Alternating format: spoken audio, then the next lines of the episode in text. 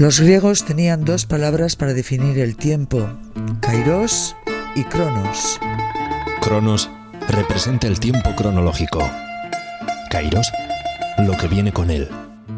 Momentos importantes, en lugar de las infinitas posibilidades. Esto es Kairos y Cronos.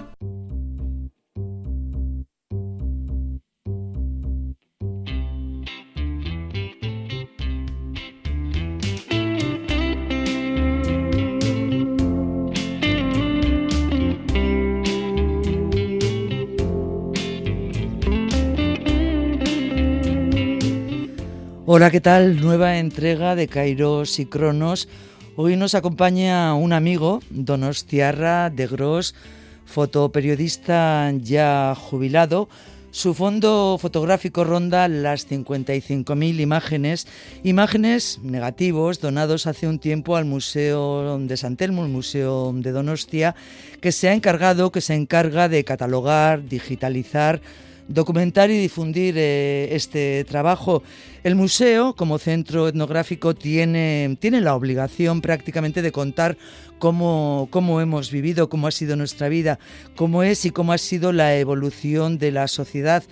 Las fotografías de nuestro protagonista cuentan historias reales, nos enseñan cómo era la ciudad, cómo eran sus habitantes, es la historia mm, reciente Fernando Postigo, ¿qué tal estás? estupendamente. Me alegro, me alegro mucho de que estés aquí con nosotros. Eh, decía yo fotoperiodista, ¿este es un término mm, de ahora o, cuando tú empezaste, que vamos a hablar largo y tendido de tu carrera pues, profesional, ya se utilizaba? Ya se utilizaba. Yo me acuerdo de, de pequeño, me encantaba comprar la revista Paris Match y todavía me acuerdo de reportajes gráficos del año, por ejemplo, la invasión de los rusos en Budapest, el año 56, yo era un crío, y me acuerdo de las fotografías, incluso me acuerdo del nombre del fotoperiodista que murió en Budapest, Pedrecini, unas fotografías impresionantes del asalto de, por ejemplo, de la gente al, al centro de la KGB en Budapest. Sacaban a los miembros de la KGB y los ametrallaban ahí delante. Y, y, Pedrecini hizo esas fotos movidas con los gestos de la gente cayendo. Y yo, y yo era un enamorado de, de, las fotos. De ese trabajo. del trabajo. Entiendo en este sentido que la fotografía fue primero una pasión antes de convertirse en, esa forma de ganarte la vida. No, no, no fue al revés. Mm. Cuéntame, ¿cómo, ¿cómo comenzaste con esto de la fotografía? Me hablabas de siendo un niño, ese, esas fotografías que, que veías en el Paris Match. Todo el mundo no leía el Paris Match. No, no, no, no. Mi madre me traía como, cuando iba a Francia, cuando iba yo a Francia, que eran poquísimas veces, me lo compraba y era un regalo muy cotizado. Pero mi padre ya tenía una afición tremenda a la fotografía. Tenía los álbumes de familia que eran una visita semanal. Era muy cotizada, que los, sábados por la noche nos juntábamos en la mesilla y pasábamos revista a nuestra niñez a través de las fotos. y mi padre tenía, era muy, eh, muy organizado, llevaba todo muy bien y ya te digo, las fotografías era un, paseo por nuestra niñez maravillosa. O sea que tú eres de, de esas personas que cuando eras un niño tenías álbum de fotos de toda la familia, todo, el mundo, todo el mundo no lo tenía. ¿Tu padre qué hacía? Mi padre tenía una pescadería en la calle Sandizaga. Nosotros vivíamos, y yo nací en Miguel y Mazuna, enfrente del Cursal, y entre casa y la pescadería había una distancia de 150 metros o menos. Y entonces esto era nuestro mundo, el Cursal, las olas. La playa, la, playa, de Gros, la antigua. la, antigua, que era, eran pues un trozo de, arena de vez en cuando que venía a la playa, el batadero de Sahués. Ese, ese mundo era maravilloso. No había coches de pequeño. Nos poníamos en la farola que había en el corazón de María había una farola tremenda y, se unía un tío, decía que viene un camión de vez en cuando. Entonces andábamos en bici por allí, era un mundo maravilloso. hacíais la vida en la calle. En la calle, como se hacía antes. Mi hermano Javi escribió un libro a las 10 en casa, o sea, nosotros nos, nos echaban materialmente de casa, pues después de comer y no vuelvas hasta las 10 para no molestar, ¿no? Y íbamos a casa de vez en cuando no, que quiero un vaso de agua y tal, pero no podíamos aparecer. O sea, que era beber el vaso de agua y a la, calle, otra vez. O sea, que era un, era un mundo de la calle. Y jugábamos a las chapas, al chorro morro, a todo, a la comba, eh, carreras alrededor de la manzana. Era maravilloso. Era, era un mundo de, perfecto. Un mundo tan distinto, ¿verdad? Hombre, hombre. Ahora, ahora eh, hablabas con los críos, jugábamos el Tour de Francia, cogíamos las chapas, poníamos las fotografías de los corredores de entonces con un plastiquito encima de poníamos, metíamos en la chapa y se dibujaba unas carreras en el suelo y allí andábamos empujando las chapas que era era, era precioso ¿Cuántos, eh, ¿Cuántos hermanos erais? Diez. Diez, hermanos. ¿Vivís los diez? Sí, sí, sí. Mira qué bien. Buenos genes, sí, sí, sí, sí, sí. Mi padre falleció con 101 y medio. Y en su cumpleaños, en los 100 años, organizamos una fiesta, mi hermano Jorge, y éramos 80 descendientes casi directos, o sea, con mujeres y tal, pero nietos y bici, éramos 70. Vamos, que no había primos ni cuñados, no, no, no, erais los hijos, y, las familias, las familias que habíais montado. Que montado, directos de mi familia, sí. Era gente, claro, en la posguerra. mi madre, eh, cuando se quedó embarazada del tercer hijo, dijo, oye, oye, oye, aquí, porque mi padre, mi padre solamente era, iba a pasajes y era exportador, o sea, compraba pesco y lo mandaba pues a La Rioja, donde fuese. Digo, no, no, no, aquí tiene que haber algún ingreso más porque esto viene esto cargadito. y, entonces, eh, eh, abrió una pescadería en Sandizaga 19 y estuvo casi 50 años trabajando. Eran muy currantes, muy trabajadores. ¿Tu madre también trabajaba en, la pescadería? Mi madre, eh, me acuerdo que daba luz y al día siguiente, a los dos días, bajaba a la pescadería y mi abuela le traía el bebé de turno para que le diese de pecho en la pescadería. O sea que, fíjate, si eran, eran unos luchadores. ¿Qué número hacías tú? En tercero. El tercero. Yo era el heredero. El, heredero de las botas, de las, de las botas y, de, los pantalones y las camisas de los dos anteriores, que eran chicos también. Sí, nosotros éramos seis chicos primero, tres chicas y el último otro chico. Os habéis llevado bien, ¿no? Además, sí, muy bien, muy bien. ¿Alguno se dedica también a, a la fotografía, no? No, uno, el más pequeño, se dedicó una temporada y eran momentos muy duros, había mucha y lo dejó. Pero yo he sido el único que, que continuó, sí. Bueno, tienes un hermano que escribe también, ¿no? Hombre, Javi, mi hermano Javier, sí. Ya te digo, a las 10 en casa, los relatos, todas las historias de, del barrio, que habían numerosas. Ha escrito más cosas, ¿os reconocéis? Sí, no, no, no, no muchas, muchas. ¿Os, Hombre, reconocéis en, eso, en eso que él cuenta, que me imagino que serán vivencias de... Tengo un hermano, Ramón, sí, que es el raconteur, y este es el escribano, en realidad. Ramón le tiene muchísima gracia contando historias de la familia, de que venía que si la chica, que si los sustos, que se disfrazaban de, de orangután, llamaban a la puerta, le daba un susto, la otra se lía, bueno, chorradas de estas.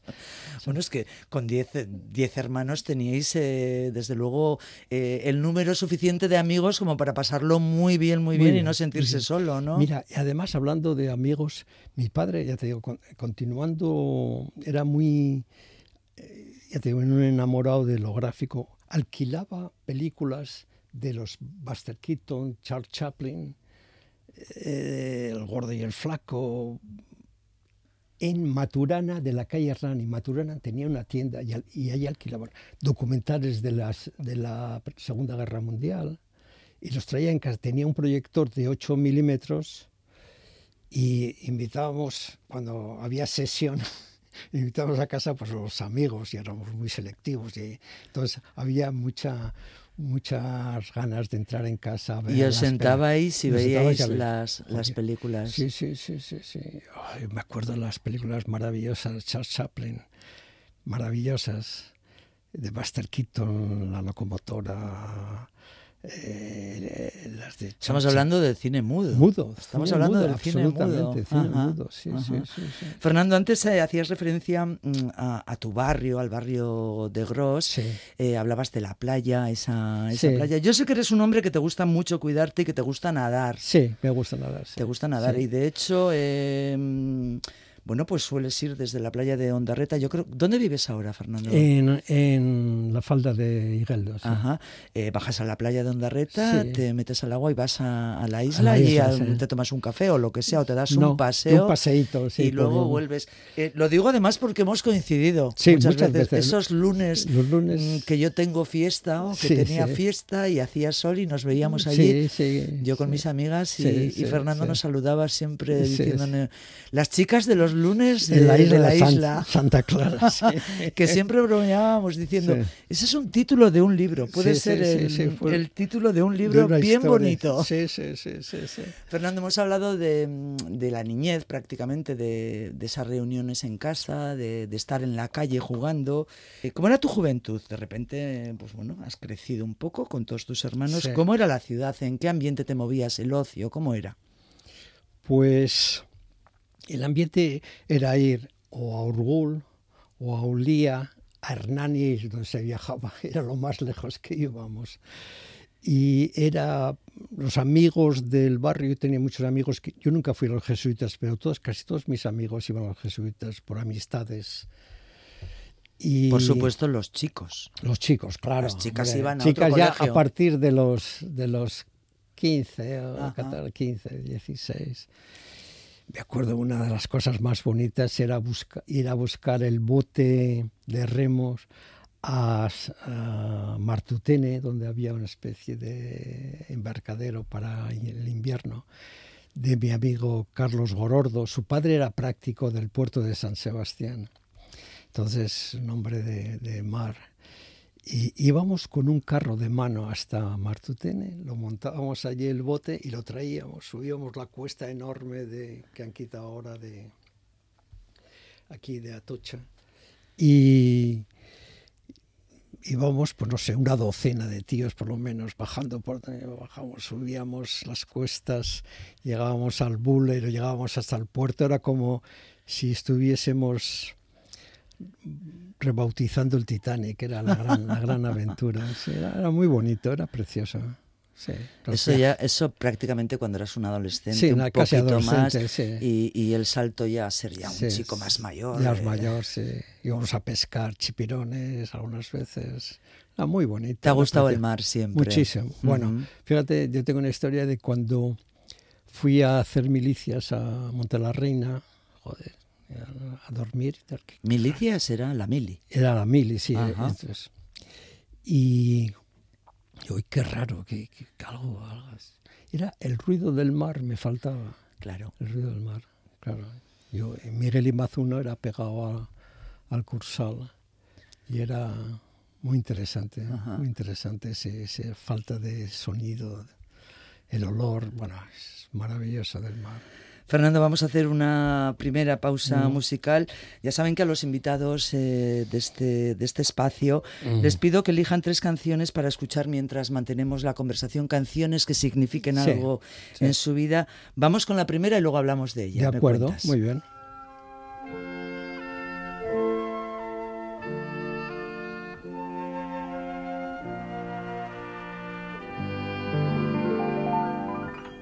La mer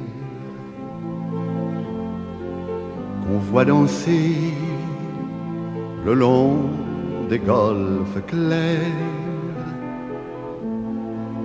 à des reflets d'argent à la mer, des reflets changeants sous la pluie. La mer au ciel d'été confond ces blancs moutons avec les anges si purs la mer, bergère d'azur infinie. Voyez, près des étangs, ces grands roseaux mouillés. Voyez ces oiseaux blancs et ces maisons rouillées. La mer les a bercés le long des golfes clairs et d'une chanson d'amour la mer a bercé mon cœur pour la vie. La mer qu'on va danser le long des golfes clairs à des reflets d'argent. La mer de reflets changeants sous la pluie.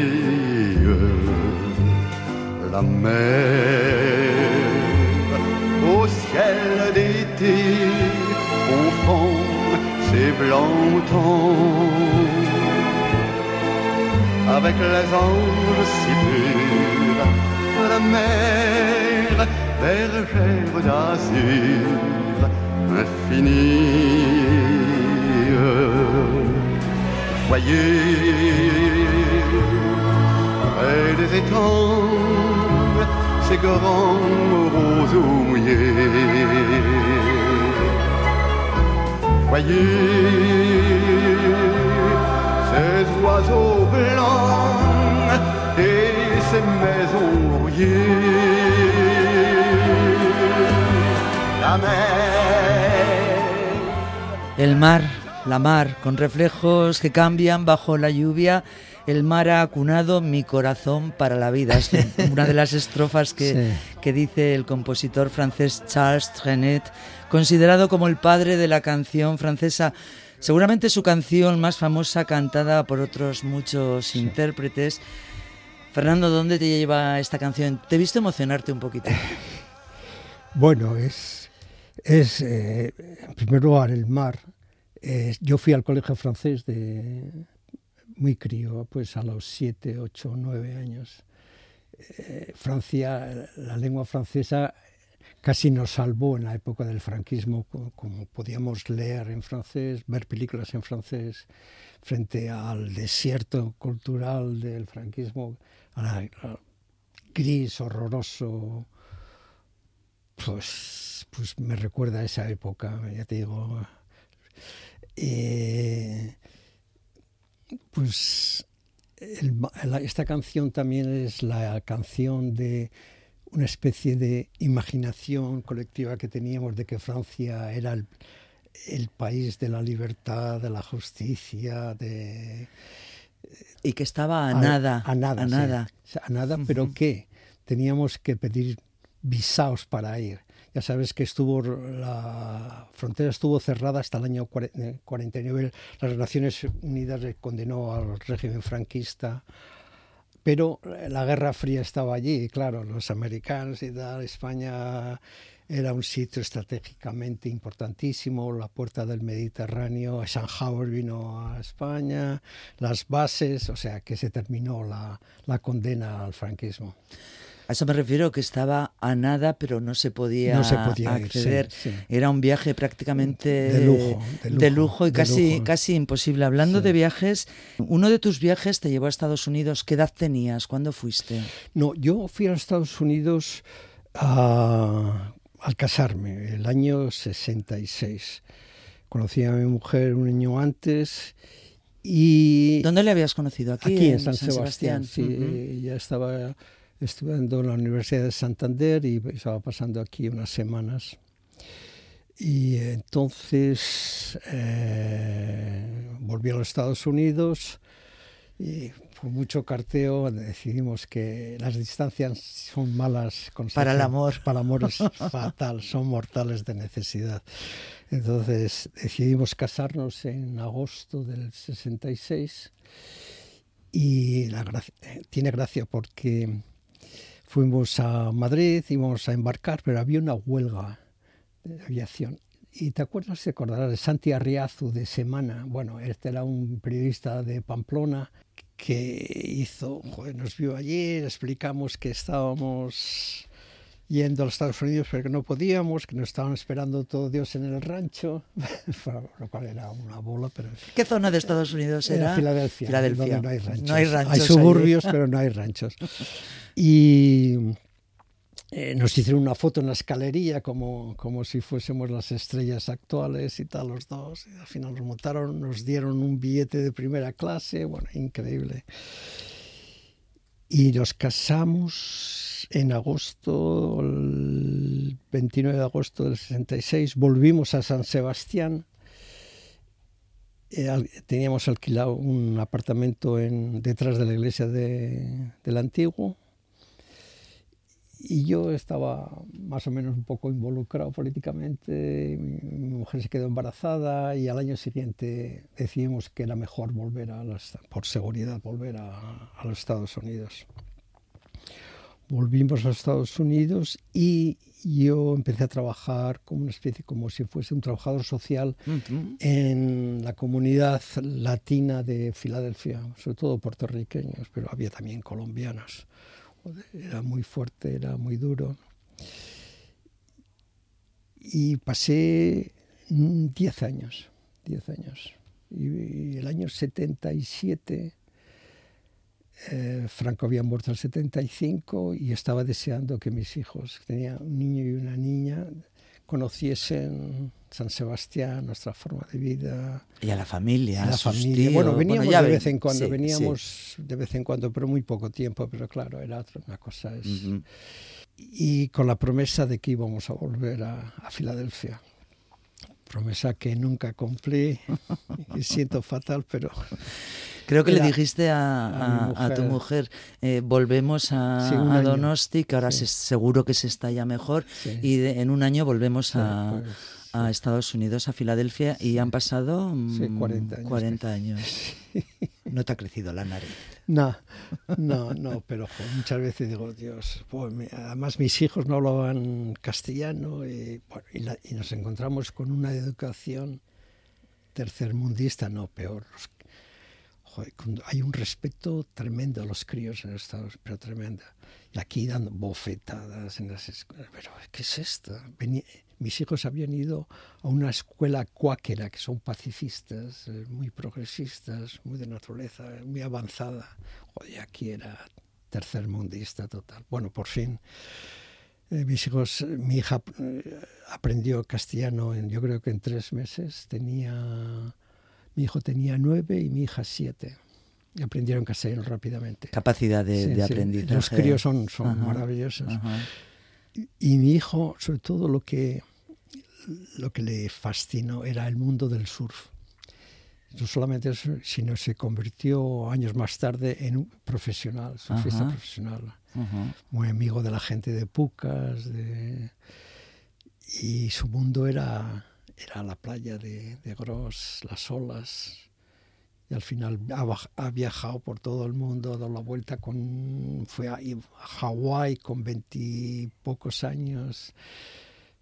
Ha hecho lo que ha querido. Ha hecho lo que ha querido y sigue haciendo lo que quiere, porque vive en Lanzarote, de, él, tiene el mar debajo de su ventana, tiene una niña preciosa. Yo creo que es que ese, de todas las maneras ese mundo sí. del mar um, lo tenía que tener en los genes, sí, lo tiene, que, lo tiene, lo tiene, eh, tú sí. lo llevabas. Eh, me decías que en Estados Unidos trabajabas en, en el ámbito social, social ayudando a ayudando o trabajando con gente con gente latina. Hispana, Llegas aquí y entras en el mundo de, de la información. De la ¿Cómo, información. ¿Cómo, lo pues, haces? Mira, ¿Por qué te interesa ese mundo? Mira, a través era a través de mi hermano Javi, que era mi amigo de Miguel Larrea, uh -huh. que entonces era director de La Voz de España en San Sebastián. eh, me presentó fui a- y me dijo, bueno, pues haz unas pruebas como fotógrafo, a ver cómo resulta y tal, porque me encantaba. Y estuve dos meses en La Voz. Miguel Larrea fue, eh, se fue al diario y a, los poco, a poco tiempo me llamó. Y yo entré, bueno, em- empecé a trabajar con La Voz en septiembre del 77, el Festival de Cine. Era el festival de cine maravilloso porque estaba Vino Buñuel, eh, estaba, bueno, Elías Querejeta, Paco Raval, había un ambiente de uf, exuberancia, la libertad, la, la gente del exilio, pues era precioso. Y la primera foto que le hice fue a Sidney Pollack, Director de cine. Sidney de cine americano. Sí. Y fue fascinante. Pasé en noviembre, o sea, septiembre, septiembre, en noviembre pasé al diario y ya desde entonces hasta el 2003 Has trabajado en el diario. en sí, el, en el diario. Años en los que la profesión ha cambiado, bueno, Bueno, cambió brutal, sí, profundísimamente. profundísimamente. Yo me imagino que tú cuando empezaste, me imagino, no lo sé, Sí. Cámara de carrete, Carrete, objetivo, de, carrete. objetivo de enfoque manual, Manual, evidentemente, sí, eh, tiempos de blanco y negro. Blanco y negro. ¿Cómo era el trabajo? Porque hacías las fotos, luego, tenía- Sí. luego tendrías que ir al laboratorio, eh, era todo muy artesanal. muy artesanal. Nosotros- yo me acuerdo cuando la primera vez que Suárez vino a Euskadi, a Vitoria, yo volví de Vitoria con todos los carretes, como, como a, a las una de la mañana, fíjate, esperando la prensa. Allí, en primer lugar, coger, sacar los carretes, meter en el espiral los líquidos, esperar, sacarlos, secar, secar esos, esos carretes, positivar en papel. Fíjate, eso se Y ver la foto. Y ver la foto. O sea, uno por una, tiqui, tiqui, tiqui, tiqui, ahora.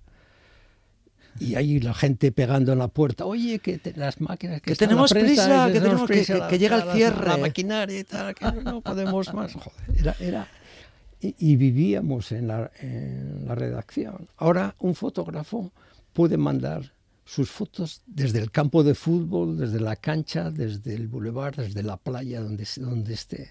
Y las puede ver él mismo, escoger inmediatamente, hacer clic y mandarla.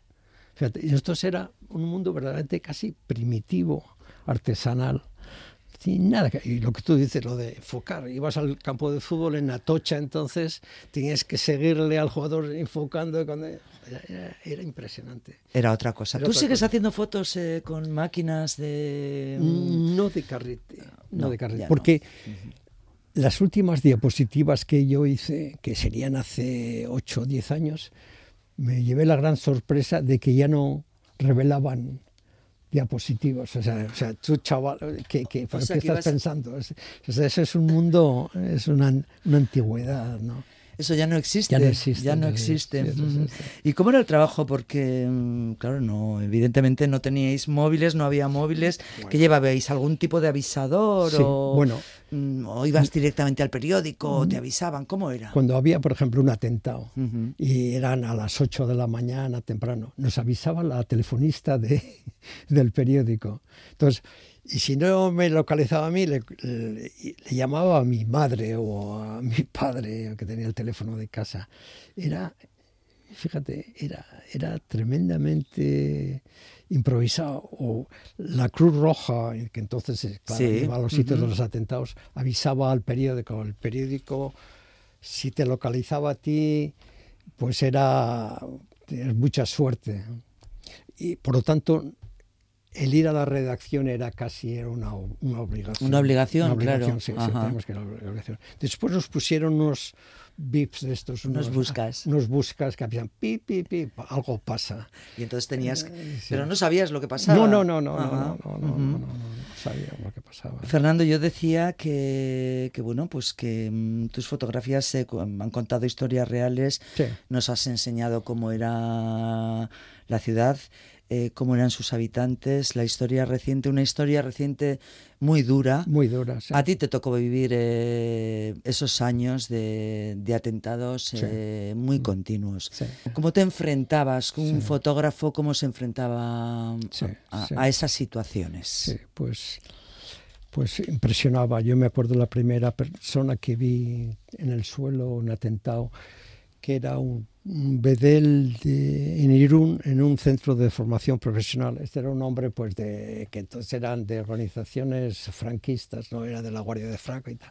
Y entonces ETA se dedicaba a darles aviso o te vas o lo otro, ¿no? Y este hombre, pues, era un pobre hombre, imagínate, un bedel de cincuenta y tantos años, con, entré en la habitación, estaba allí con su bata gris y fíjate, unos calcetines de colorines, que, que, con unos zapatos de tacón muy alto, no sé, era un hombre pequeñito.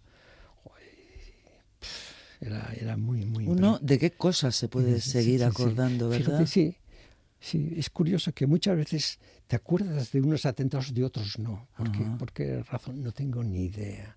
Pero, por ejemplo, algunas veces, ¿te acuerdas cuando...? Sí, porque esta foto que tú dices, no me acuerdo, pero de otros sí. ¿Por qué? Porque a lo mejor era el pequeño detalle humano, como te digo, esos calcetines, la, bata gris, el, el, pobre hombre, que era un hombre pues muy humilde, me imagino, pero que... Sí, ¿Se parecían unos días a otros? Me estoy refiriendo a esa, a esa temporada en la que realmente pasaba demasiado. Sí, pasaba... sí era, semanal. Y manifestaciones también semanales. Por las extradiciones, porque en la cárcel de Soria no se les traían aquí, por porque habían matado a un etarra en un enfrentamiento. Siempre había constantemente manifestaciones semanales, pero dos y tres semanales fácilmente. El bulevar era el centro de todos los manis y botes de humo, esto y lo otro. Y también el lado humano de gente que tú conocías y eh, por ejemplo, en el caso de Gregorio Ordóñez, yo con Gregorio Ordóñez estuve... De políticos que, políticos que yo conocía, que, tú conocías, que, estaba allí a, a, las 2 menos 20, estabas con él porque era... Eh, Gregorio Ordóñez era concejal de urbanismo y yo cubría el ayuntamiento todos los días, iba allí a ver qué había, qué temas había. Me acuerdo que el tema que me dio ese día era la... Estaban urbanizando toda la acera de detrás del ambulatorio de eh, Ondarreta y la acera de donde está la Archaña, la parte de atrás. Y fíjate eso, y a las tres y cuarto estaba muerto. Yo, eh, yo he estado, por ejemplo, con Fernando Mújica, me acuerdo verle un sábado por la mañana en el Bule, con su gabardina blanca, los brazos atrás, y yo a, Fernando le conocía muchísimo, pues de los viejos tiempos, tenía mucho contacto con Enrique, con su hermano Enrique, en los tiempos del conspire, y me, habló de que estaban muy preocupados porque esto las estadísticas de la vanguardia le daban perdedor al Partido Socialista. sí. pues fíjate, el lunes, el lunes estábamos en redacción y ha habido un atentado en la calle San Martín. Salimos corriendo. Eh, a ver, estaba con Alberto Surio, nos montamos en un 600, llegamos, no sabíamos a quién habían matado. Y resulta que era Fernando Mujica. Estaba allí sus hijos, había un policía municipal intentando evitar que su hijo llegase al cadáver de su padre. Fíjate qué, escenas. Eh, Fernando Buesa, hubo una reunión del PSOE, del Comité del, Partido Socialista de Euskadi, en el Palacio Miramar. Eh, llegó tarde y yo salía del Palacio Miramar, hecho, había hecho las fotos y entraba Fernando Buesa, eso a las diez y media, a las, también por la tarde a las tres y cuarto Recibes la noticia o nos enteramos todos que... Y así del concejal de Orio Freire, este, el día anterior le había hecho una foto porque estaban, había habido un homenaje a otro socialista que habían matado a ETA y tal. O sea, era una actividad de riesgo. Sí, era de riesgo, sí, sí. A mí me han detenido la primera foto, mi primera detención por la policía fue en la calle Prin, acababa de empezar a trabajar y tuve la mala idea, pasaba un Land Rover de la policía, policía armada entonces, y le hice, hice una foto con flash. Fren- Pararon. Frenazo, marcha atrás, saltaron allí, metralleta al cuello, chaval, a Amara. Así amenazantes, bueno, lo pasé fatal hasta que llegamos a comisaría, me soltaron pronto enseguida. ¿Te han quitado el carrete? ¿Te han quitado Sí, el carrete sí, alguna sí, vez? sí, sí, Ujú. sí, sí, sí, sí, sí. Y eran fotografías que tú las tenías en la cabeza, sabías qué fotografías eran y, y dices, me caches la mar, me han quitado la foto que, que, que hoy merecía la pena ser portada. Sí, y también eh, gente de las gestoras, cuando había manifestaciones, venía a ti, oye y tal, que cuidado con las caras porque gente que han detenido nos han enseñado fotos de... O sea que por los dos lados había mucha precaución. Sí, Fernando, ¿hay fotos eh, que preferirías no haber hecho? sí. Sí, Sí, por ejemplo, eh, jo, me acuerdo una- unas fotos terribles en Usurbil, eran un comando de comando autónomos, autónomos que le estallaron la bomba. Bueno, no quedó, quedaron, pero trozos, eran terribles, terribles, terribles. Eh, fotos de Carasa, un traumatólogo que ETA lo secuestró, se lo llevó cerca de la residencia y le pegaron un tiro. Eh, nos avisaron, fue por la noche y jo, era, era terrible, no había nada de luz y tuve que hacer una foto casi con un gran angular, todo abiertos. Es que no se veía absolutamente nada y fue, salió una cosa que era tremenda, Ya. tremenda, tremenda. También hay imágenes que, mm, que has podido hacerlas, pero no las has hecho Sí, porque Sí. hay un segundo, supongo, sí. en el que decides ayudar. A mí me gustaría que me contaras esa historia de un niño que casi, casi, em, no sé, te lo hubieses llevado como si, como si fuera tu, hijo. Sí, de Joaquín, oye, Joaquín Galarraga. Eso fue el verano del después de la Semana Grande de Donostiarra, en el 2001. Estaba tomando café en la calle Aldamar y oímos un ruido, pum, un petardo y un coche que se iba deslizando, estaba el motor apagado y se paró justamente enfrente de los italianos de la calle Aldamar salió una chica de la que conducía el coche, fue a la parte de atrás, abrió la puerta y recogió un niño. Entonces yo salí, había una mujer mayor que era la abuela de Joaquín, y estaba muerta ya, la había un trozo de plástico, la había cortado una, una yugular. Y el niño estaba llorando, llorando, estaba ya sin, sin ojos, eran vacíos. Entonces eh, me la tía me lo dio a mí porque quería ayudar a la abuela. Yo me quedé con el niño en brazos y eh, había un señor eh, allí que nos llevó en coche, eh, matrícula de Zaragoza, y había unos municipales que ni se acercaron. Había gente que miraba así y se iba. Era, fue terrible. Llegamos a, la, urgencias. Hubo un celador que me dijo que llevase al niño a materno infantil que estaba detrás. Digo, pero por Dios, pero por Dios. Bueno, menos mal que había un médico le dijo, oye, por favor. Y nada. Y fue el viaje desde Aldamar hasta la residencia, porque Joaquín, claro, no paraba de llorar. Era tremendo, era tremendo, tremendo. Quizás esa sea la foto más bonita que nunca, que nunca has hecho, Fernando. Bueno, Bueno, nos estamos emocionando los dos. Así que vamos con, con la segunda canción, Choría Chorí, Miquel Laboa, que sé que te gusta mucho. Sí. Vamos con ella.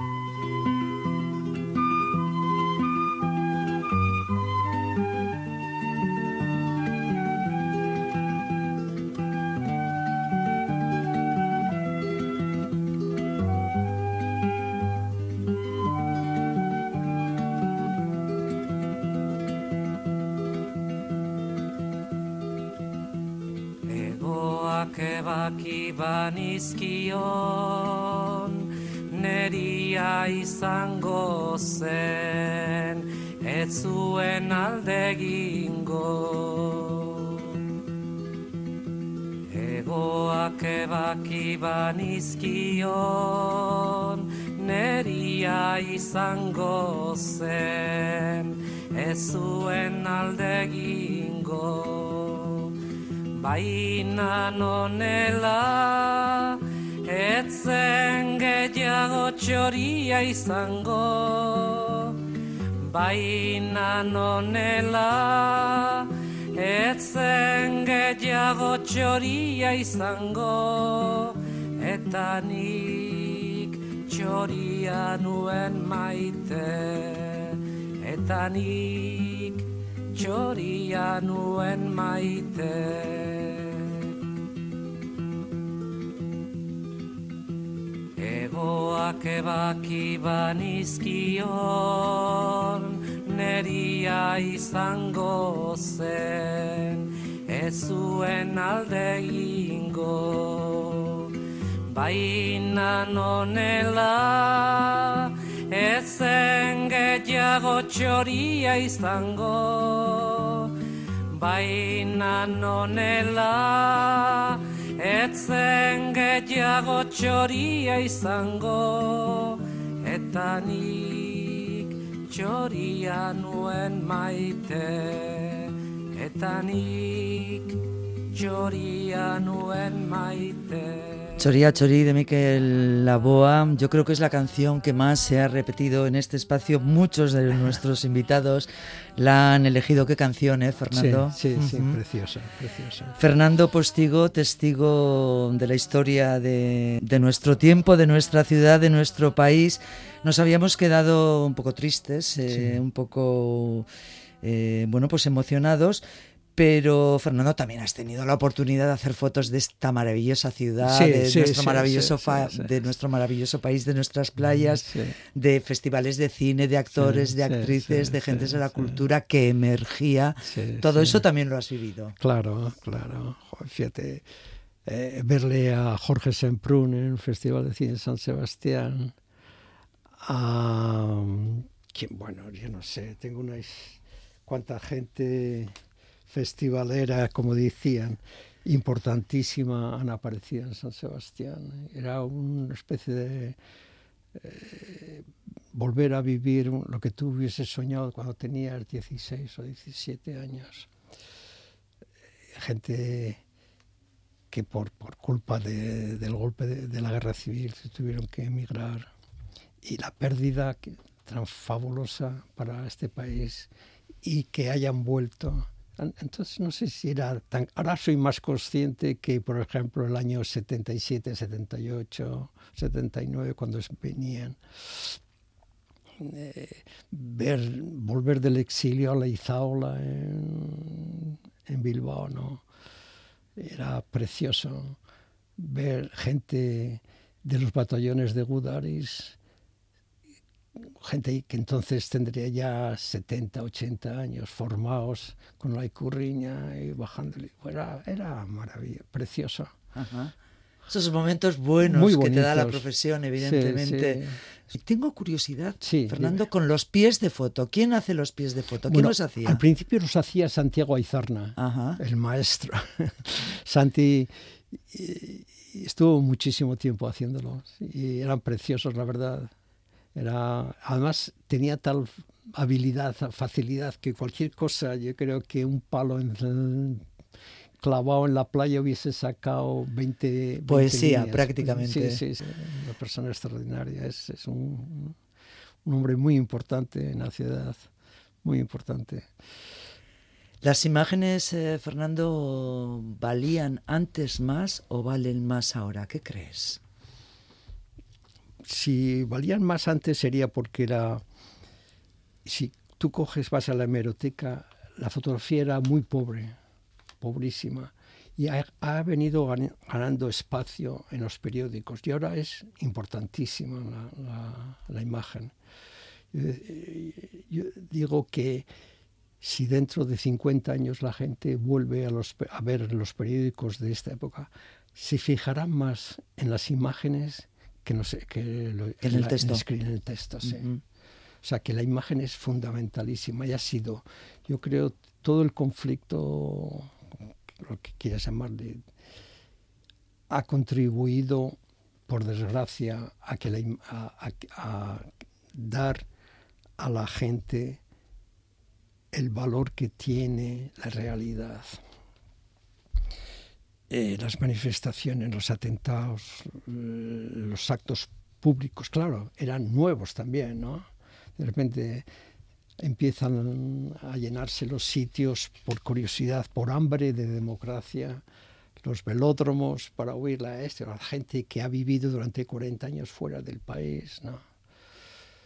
Ve- Verle a, por ejemplo, a, a Monsenni, Ujú.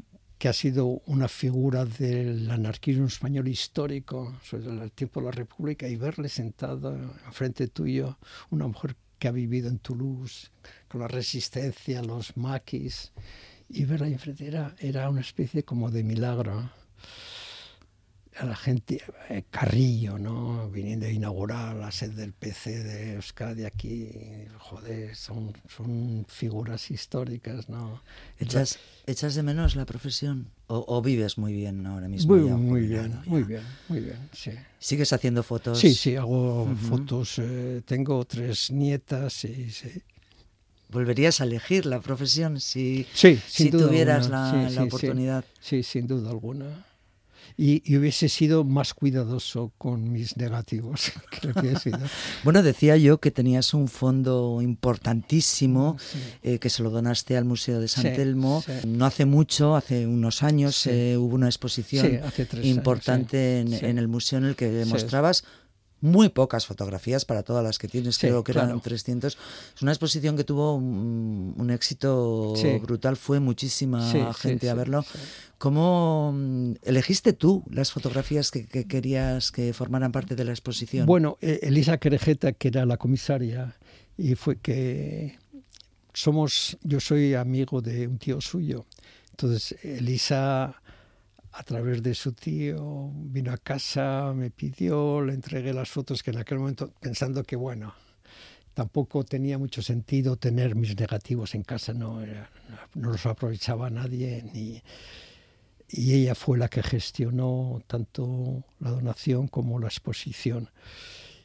Y la elección se hizo entre los dos, en realidad. Y también San Telmo, eh, la dirección de San Telmo, llegamos a un acuerdo en que había fotografías que eran demasiado fuertes, en comillas, porque todavía parece que no ha pasado tanto tiempo como puede, podía haber herido sensibilidades. sensibilidades. Se trató de cuidar la- ese lado, la violencia política, eh, los atentados, los muertos. Entonces se cuidó Bueno, mucho. y también luego ya el cese de la, Sí, de la la cese, violencia también, Sí, que fueron momentos ya de, Sí, de sí. respirar, ¿no? Sí, la, la Fernando? última foto que yo creo que hice fue de un hombre además que conocía, que era hombre del Partido Comunista en mis tiempos, José Luis López de la Calle, en Ajá. Andoain. Sí. Aquella fotografía con el, con el par- paraguas en el suelo y el Erchaña la oís con su cuerpo. Fíjate, un hombre que conocí hace muchísimos años y como, como terrible. Fernando, te voy a poner en un aprieto. ¿Qué foto que hayas visto, qué sé yo, mm, de cualquier tiempo, de cualquier fotógrafo, te habría gustado a ti haberla hecho? Ah, probablemente. Yo viví la guerra de Vietnam en los Estados Unidos y la fotografía de aquella niña con el cuerpo quemado por el napalm. Corriendo. Corriendo, sí.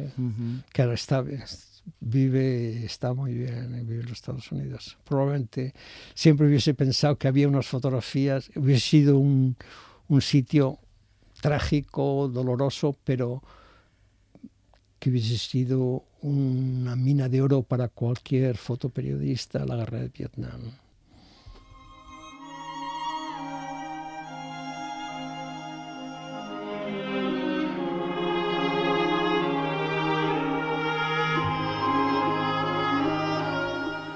Bueno, vamos ya con la tercera de las canciones que, que, ha elegido Fernando Postigo. Nos vamos de la guerra de Vietnam, de esa niña corriendo, buscando ayuda. Nos vamos a una canción que habla también de eso, de sueños, de sueños que están en el, en el arco iris. There's a land that I heard of once in a lullaby. Una canción de la película El Mago de Oz, película del año 1939, ganadora del premio Oscar a la mejor canción, junto a Singing in the Rain. Es una de las canciones más representativas del cine estadounidense, de las bandas sonoras. Escrita especialmente para Judy Garland, que la estamos escuchando, Dorothy en la película, la película que decíamos, habla de un mundo imaginario, de sueños, del anhelo de un lugar donde vivir, un lugar excluido del mal, un lugar situado en el arco iris. En el contexto histórico de la Gran Depresión y de la Segunda Guerra Mundial, Fernando, me callo y la escuchamos.